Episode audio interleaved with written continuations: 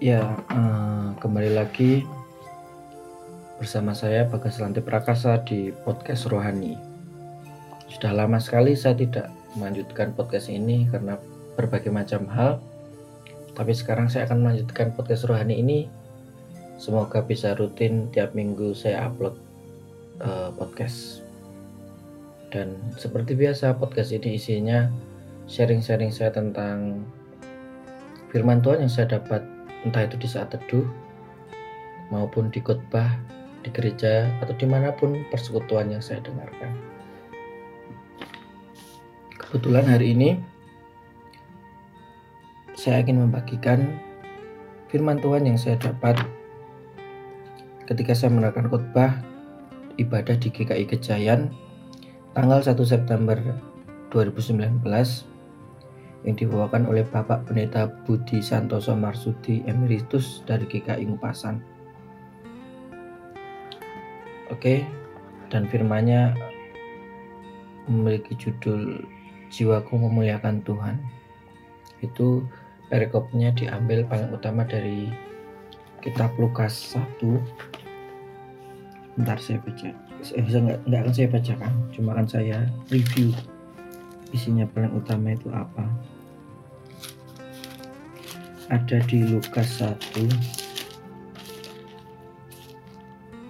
ayat 46 sampai dengan ayat yang ke 56 nanti bisa dibaca itu perikop tentang pujian dari Maria. Setelah ia mengetahui bahwa ia akan mengandung seorang anak. Anak ini bukan sembarang anak, anak yang spesial karena anak yang akan menyelamatkan dunia ini, yaitu Yesus Kristus atau Isa Al-Masih. Nah, firman di perikop ini kenapa memiliki judul Jiwaku Memuliakan Tuhan? Saya jadi berpikir berpikir berpikir sebelum mendengarkan khotbah dan ternyata diawali dengan hal seperti ini. Pak pendetanya tanya, kalau perempuan cantik ketemu perempuan yang lebih cantik, apa yang akan dia lakukan? Terus yang kedua, kalau seorang pria bertemu dengan perempuan yang cantik, apa yang akan dilakukan? Nah, kita bisa tebak ya pasti yang pria atau laki-laki. Itu kalau ketemu cewek cantik atau perempuan cantik mesti langsung dipuji, wah cantik sekali. Gini gini gini gini gini gini. Sebaliknya, kalau perempuan cantik ketemu perempuan yang lebih cantik, apa yang dilakukan? Mesti ada sebuah bara di dalam hatinya yang membuat dia bisa nggak semua perempuan tidak semua perempuan tapi stereotipnya adalah perempuan cantik cenderung tidak mau disaingi oleh perempuan yang lebih cantik. Misalnya ada sebuah bara di hatinya yang pengen untuk mencari sisi lemah dari perempuan yang lebih cantik itu. Mungkin dia akan berkata cantik sih tapi alisnya itu kurang tebel atau pipinya kurang tirus atau apa apa pun yang akan dicari untuk membandingkan dirinya atau melihat kesem, ketidaksempurnaan orang lain. Itu karena apa namanya uh, sebanding ya. Kalau cowok ganteng lihat cowok ganteng kayaknya nggak peduli ya. Kalau laki-laki nggak peduli. Biasanya kayak gitu cewek. Nah ini menitik beratkan pada pujian kepada manusia itu sulit diberikan atau gengsi untuk diberikan. Padahal itu sudah apa pujian atau ungkapan kekaguman pada orang itu ya diberikan secara sewajarnya ketika dia melakukan sesuatu yang baik tapi kadang itu sulit diberikan bukan karena alasannya karena ah pujian itu nanti melenakan nggak mendidik dan sebagainya dia mencari alasan lain untuk membenarkan bahwa dia tidak usah memberi pujian pada orang lain sebenarnya karena gengsi ataupun karena malu.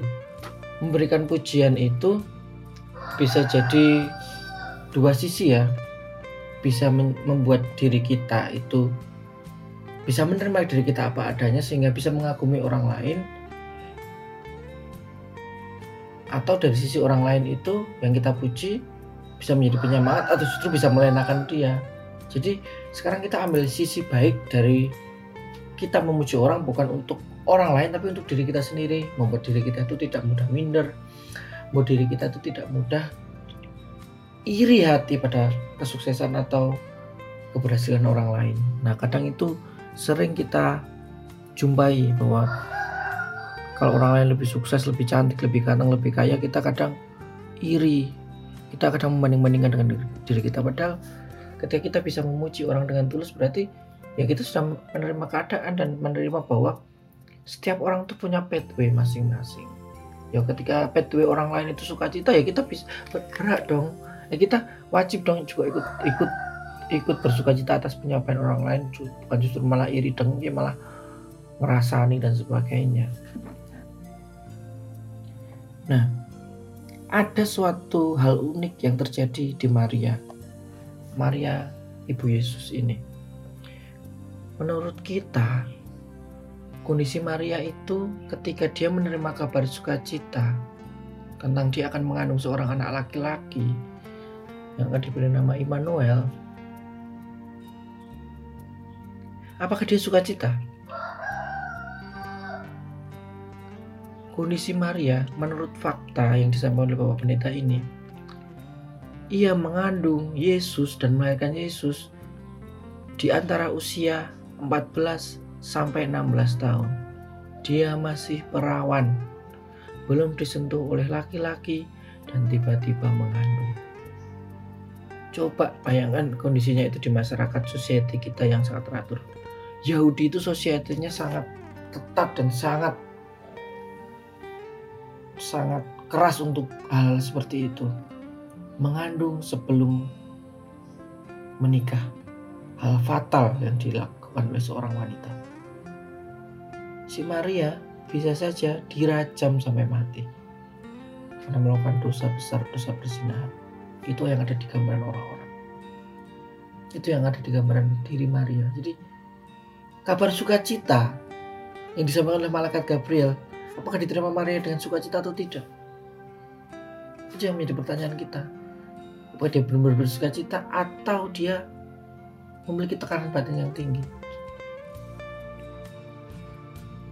Kita tidak tahu hal itu.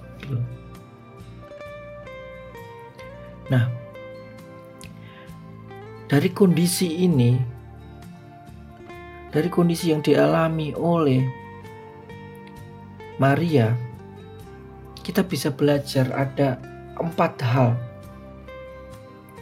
Ada empat hal utama yang bisa kita pelajari dari kondisi jiwa batin Maria, bagaimana pergolakan hatinya tidak dia ekspresikan dengan cara yang salah, tapi dia ekspresikan dengan nyanyian, pujian, untuk memuliakan Tuhan lewat perikop yang sudah kita baca di Lukas 1 ayat 46 sampai 55.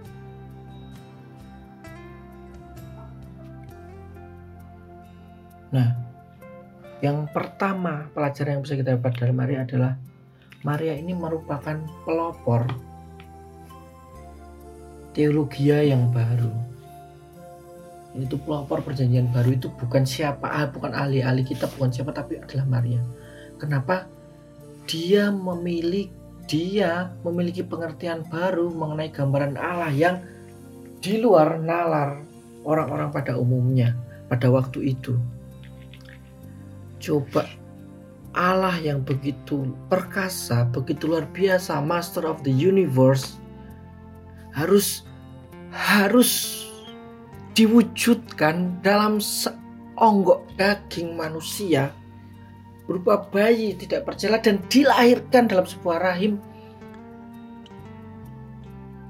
seorang wanita. It cannot believe. Itu tidak bisa dimengerti oleh manusia. Even kita sekarang, makanya banyak orang orang yang di luar kekristenan itu sulit untuk menget, sulit untuk percaya bahwa Yesus itu adalah Tuhan karena karena itu, sulit memang untuk percaya. Secara logika itu sulit. bahwa Allah yang begitu sempurna harus menjadi manusia lemah, hina, bisa dibunuh kapan saja. Untuk mengetahui bahwa Allah itu can do anything. Akan menjadi orang terlemah sekali nah pelopor teologi perjanjian baru itu adalah Maria dia menerima itu semua secara langsung dan mengalaminya sendiri.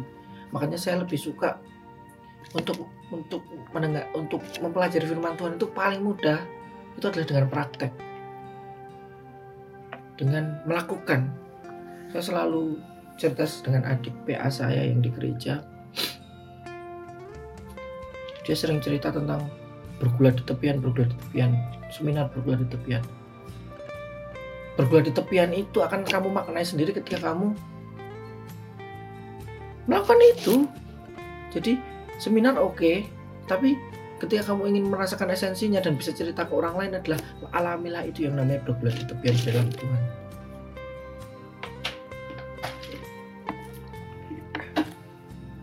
Di Maria sedang bergulat di tepian kepercayaannya pada Tuhan apakah ini benar dari Tuhan atau bukan? Tapi dia menyimpan ada kata-kata Maria menyimpan semua itu dalam hatinya karena dia percaya pada Tuhan dan dia membiarkan semua berjalan apa adanya tanpa tahu ke depannya seperti apa. Itu iman luar biasa Maria yang bisa kita pelajari yaitu dia menjadi pelopor perjanjian baru. Dan yang kedua, Maria mau membuka diri untuk hal baru. Hal yang sangat tidak masuk akal dia mau membuka diri. Coba kalau Maria nggak menerima itu, Maria nggak damai sejahtera, apa yang terjadi? dia bisa mengurungkan kandungannya atau apa pun. Karena sulit menerima itu sulit sekali. Tapi apa yang dikatakan Maria adalah jadilah padaku sesuai kehendakmu Tuhan. Dan ketika Maria melangkah sedikit demi sedikit, saya percaya ketika langkah kita itu dituntun oleh Tuhan, ketika kita berjalan sedikit demi sedikit, tanda-tanda yang Tuhan berikan adalah salah satunya adalah ada penguatan dari orang lain. Dan Maria mendapatkan penguatan itu dari Elizabeth, istrinya Yohanes Baptis saudaranya. Elizabeth berkata, Terpujilah engkau di antara semua wanita. Dari semua wanita di dunia, di segala apa, di segala zaman, yang dipilih untuk melahirkan bayi Kristus, itu adalah si Bunda Maria sendiri. Makanya Bunda Maria itu ya apa namanya one of satu satunya one and only Bunda Maria makanya Elizabeth terpujilah engkau di antara semua wanita yang membuat semakin dikuatkan bahwa ini anugerah bukan petaka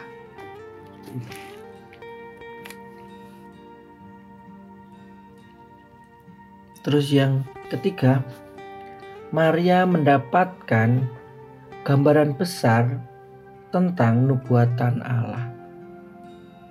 Sedikit demi sedikit Maria berjalan, sedikit demi sedikit Maria tetap percaya pada apa yang sudah difirmankan oleh Tuhan melalui malaikat Gabriel.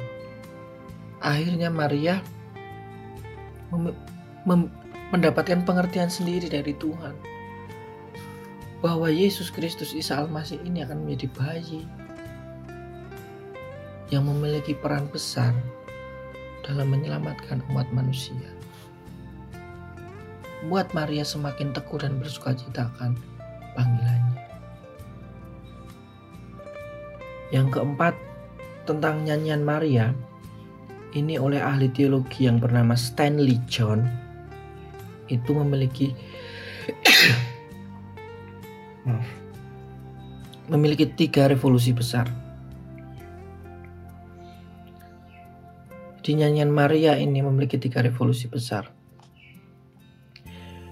Yang pertama itu ayat ada di ayat ke-50.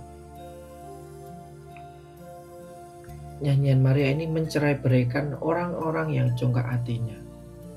Apa maksudnya? Itu adalah revolusi orang-orang Kristen merevolusi orang-orang Kristen yang terlalu mengandalkan statusnya, jabatannya dan kadang ini diberi tempat di dalam gereja, khusus diberi tempat tertinggi. Tuhan mau memperlihatkan bahwa semua orang semua orang itu berharga di matanya. Semua orang itu punya ciri khas masing-masing. Jadi tidak Tuhan itu tidak mengandang satu orang lebih tinggi daripada orang lain. Makanya tercerai berai orang-orang yang congkak hatinya. Itu revolusi pertama di dalam gereja. Orang-orang tidak berarti ketika kamu kaya, kamu bisa bahagia. Kalau kamu tidak mengandalkan Tuhan dengan sungguh-sungguh. Yang kedua, menurunkan orang-orang congkak. Itu di ayat ke-52. Ini berbicara tentang revolusi moral dan revolusi mental orang-orang di gereja. Masih ada kaitannya dengan yang pertama. Seperti tadi yang saya sebutkan bahwa Tuhan tidak lagi memandang orang-orang itu berdasarkan statusnya, berdasarkan bakatnya, berdasarkan talentanya, tapi berdasarkan hatinya untuk memuliakan Tuhan. Orang bisa terbatas menyanyi, orang bisa terbatas memainkan alat musik, orang bisa terbatas dalam berdoa, orang bisa terbatas dalam pelayanan. Tapi bukan berarti itu menjadikan kamu memiliki hak untuk memarahi dia, untuk menjudge dia tidak melakukan Tuhan dengan sungguh-sungguh. Hal ini membuatkan kita bahwa kita jangan mudah untuk menghakimi orang lain tanpa tahu apa yang menjadi pergumulan dalam hidupnya. Jangan hakimi orang lain ketika kamu nggak tahu orang lain itu seperti apa. Penghakiman itu hanya dari Tuhan. Bagian kita adalah mengatakan dengan sukacita dan menerima kelemahan orang lain dengan sukacita juga dan kalau bisa ya kita membantu kalau kita punya bakat di tempat itu. Dan yang ketiga, revolusi ekonomi itu ada di ayat ke-53 nanti bisa dibaca. Membuat orang Kristen tidak lagi mengejar kekayaan. Kaya bukan tolak ukur kekristenan yang baik dan yang sejati. Saya itu jadi agak risih dan nggak enak ya sebenarnya ketika begitu banyak saya sering mendengar khotbah di gereja yang akhirnya ujung-ujungnya UUD, ujung-ujungnya duit, ujung-ujungnya bisnis. Orang yang sukses, orang yang diberkati Tuhan, orang yang mendapatkan karunia dari Tuhan, bisnisnya pasti lancar. Bisnisnya pasti diberkati, bisnisnya pasti bisa mengembang ke kanan dan ke kiri dengan begitu luas, seiring dengan tubuhnya yang mengembang ke kanan dan ke kiri. Padahal ketika saya membaca Alkitab, coba melihat kisah-kisah kisah-kisah Rasul, kisah-kisah Nabi. Tidak ada Nabi dan Rasul yang kaya Tuhan. Tidak ada teman-teman. Even Paulus, Rasul, dia dicatat sebagai nomor empat orang yang paling berpengaruh di dunia oleh di dalam bukunya Michael Hart. Menyebarkan agama Kristen dia di bawah Yesus Kristus. Yesus Kristus nomor tiga. Nomor dua Isaac Newton, nomor satu Nabi Muhammad. Paulus. Apakah dia kaya? Orang yang paling berpengaruh? Tidak. Hidupnya bahkan nyaris bersinggungan dengan kematian, di penjara, kelaparan, menderita. Ketika kita melihat Paulus itu hanya satu yang terlintas, suffering. Every day I am suffering, bukan suffering. Paulus itu menderita setiap hari, tapi kenapa ketika sekarang di gereja aku nggak menyalahkan blessing atau berkat. Saya, saya juga ingin saya ingin kaya. Saya tidak, maksudnya tidak me, me, menyalahkan berkat dan doa tentang berkat dan kesuksesan gitu loh. Cuma apakah orientasinya akhirnya di situ? Orientasi utamanya di situ. Bukan justru dari berkat Tuhan yang ada, kekayaan yang melimpah dari Tuhan. Kita justru semakin melimpah, semakin total untuk mengasihi orang lain dengan apa yang kita miliki itu yang menjadi revolusi ketiga revolusi ekonomi yang di, bisa kita ambil dari nyanyian pujian dari Maria oh Tuhan tidak memandang siapa kaya siapa yang miskin tapi memandang hati. Makanya ada persembahan. Orang Farisi mempersembahkan berapa puluh dinar, seorang ibu hanya mempersembahkan satu dinar sampai di ejek itu terlalu sedikit tutupnya. Tapi dia mempersembahkan seluruhnya. Kalau saya punya uang sepuluh ribu dan itu cuma punya saya satu-satunya ketika saya persembahkan untuk Tuhan dibanding dengan orang yang punya uang satu miliar tapi dia cuma mempersembahkan 100 ribu persembahan saya jauh lebih mulia daripada orang yang punya satu miliar itu. Meskipun angkanya lebih besar 100 ribu. Seperti itulah konsep mindset dari kita pengikut Kristus. Bukan tolak ukur jumlahnya kuantitasnya tapi kualitasnya value-nya value nilainya ketika kita mempersembahkan sesuatu untuk Tuhan. Oke. Dan mungkin saya hanya ingin bagikan satu lagi ilustrasi. Itu tentang Paulus juga. Di kisah para rasul 16 Paulus dan Silas ketika kita baca di kisah para rasul 16 mereka ini orang yang begitu luar biasa melayani Tuhan begitu luar biasa totalitas untuk menjadi hamba Tuhan begitu luar biasa untuk mengasihi Tuhan dengan segenap hati mereka. Tapi kenapa kehidupan mereka tadi selalu bergulat di tepian, selalu bergulat di mana-mana, selalu hampir ditangkap, hampir dibunuh, di penjara, sampai suatu saat dia mereka ini berada di Filipi, Asia kecil, Roma kecil, dan mereka ditangkap gara-gara miskomunikasi, ditangkap dan dipasung Padahal mereka cuma ingin tulus mengabarkan Injil Kristus. Ketika mereka, mereka ditangkap dan dipasung, apa yang mereka lakukan? Apa yang mereka lakukan? Mereka memuji nama Tuhan. Mereka bisa menyanyi dengan sukacita. Gila mereka ini. Gila. Mereka ini begitu gila untuk mengasihi Tuhan. Mereka tidak punya apa-apa lagi. Tapi mereka bisa mengucap syukur dan berterima kasih karena Tuhan berkaya dalam hidup, hidup mereka. Dan akhirnya terjadi apa? Terjadi gempa bumi yang meretakkan sel di situ. Semua orang takut, kepala sipir takut. Justru takut kepala sipir. Gak takut. Paulus menghampirinya, berkata pada dia, hanya kepala sipir penjara ini percaya pada Tuhan Yesus. Sungguh luar biasa karya Tuhan itu bekerja pada setiap orang. Kamu tidak bisa membandingkan satu orang dengan orang yang lain. Orang yang tidak kaya bukan berarti dia tidak lebih berharga di mata Tuhan. Kamu nggak bisa menjadi seperti itu. Orang yang nggak sukses, orang yang mungkin hidupnya kacau. Asal dia mau kembali kepada Tuhan, mau berbalik kepada Tuhan hatinya tulus untuk melayani Tuhan. Tuhan akan melihat hati, bukan melihat harta ataupun melihat karya kita kalau kita lakukan itu hanya dengan hati yang grundel atau hati yang tidak tulus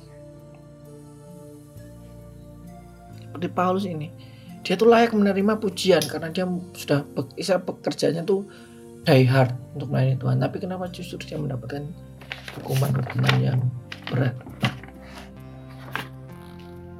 nah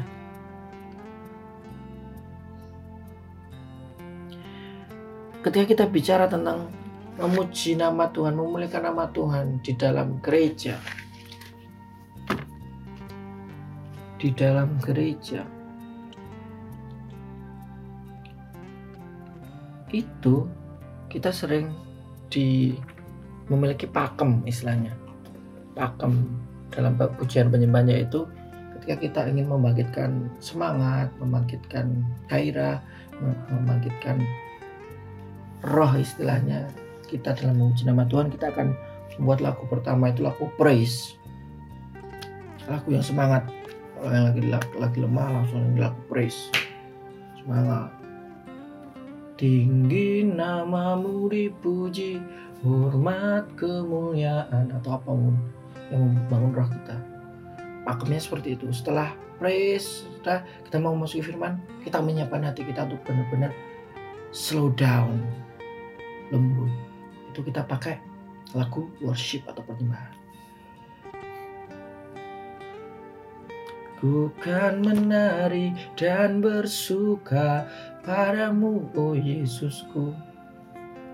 Menyanyikan lagu yang menuntun kita sungguh-sungguh untuk mengenal Tuhan, untuk memiliki hati Tuhan.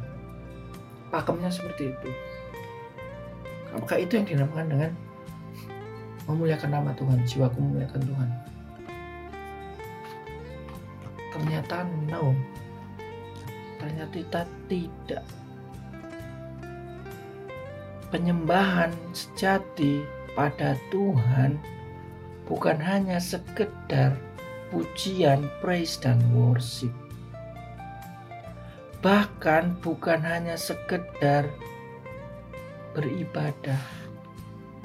Kalau hanya praise dan worship dan ibadah, mungkin yang akan masuk ke dalam surga itu hanya mulut dan telinga kita.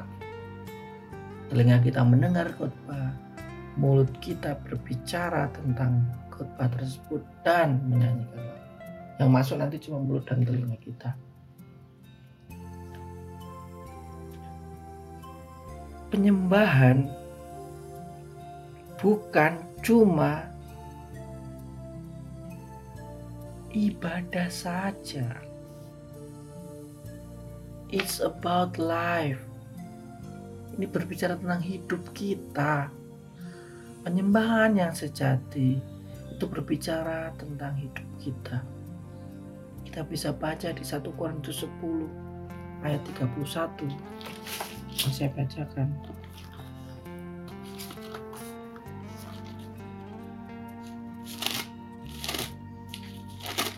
1 Korintus 10 ayat 31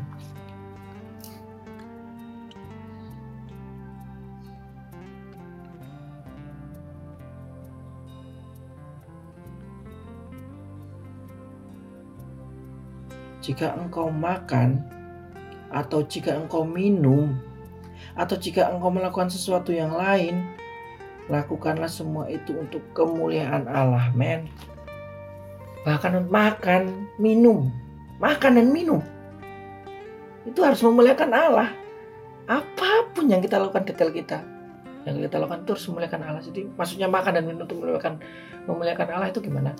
Ya kamu makan itu makan yang sehat, makan yang bergizi, makan yang nggak over, nggak tanduk, nggak nambah, nggak makan porsi kuli tapi kerjanya priayi. Kalau kamu kerjanya kuli ya porsi kuli, nggak apa-apa, wajar. Intake sama outtake sama outcome-nya sama.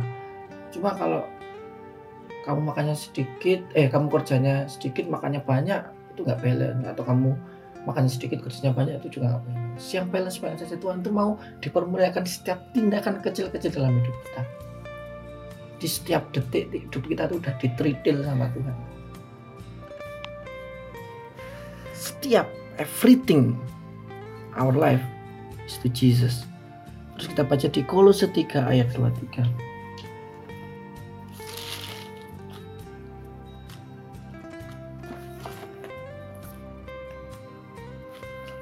Kolose 3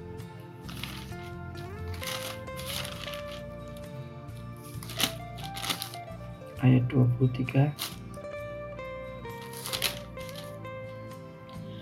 apa pun juga yang kamu perbuat, perbuatlah dengan segenap hatimu seperti untuk Tuhan dan bukan untuk manusia. Everything you could done, kuliahmu, pelayananmu, sosialmu, pergaulanmu, cara hidupmu, sifatmu, hobimu, lakukanlah seperti untuk Tuhan. Bagaimana melakukan hobi itu untuk Tuhan? Di aneh ya. Kalau saya sekarang tuh hobi saya sekarang lagi karena saya agak gemuk. Saya sedang berusaha untuk workout tiap pagi melakukan senam. Terus ada ikut olahraga beberapa olahraga. Paling utama berenang sih. Ya saya akan bersungguh-sungguh untuk melakukan itu nggak malas-malasan. Itu salah satu yang hobi kita lakukan untuk menyenangkan Tuhan. Salah satunya aku juga dengan membuat podcast ini. Mau menyenangkan dengan Tuhan ya sungguh-sungguh, jangan mut-mutan nguploadnya itu everything harus kita lakukan untuk memuliakan Tuhan dan terakhir apakah Tuhan hanya mendengar penyembahan kita lewat suara saja. Tidak Tuhan untuk melihat hati kita.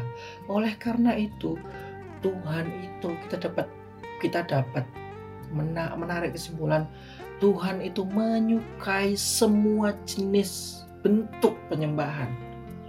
Dari misalnya kalau kita berbicara denominasi dari GKJ yang Gus dinuntun lampah kulo, alon-alon waton kelakon, simbah-simbah tua, Tuhan menyukainya.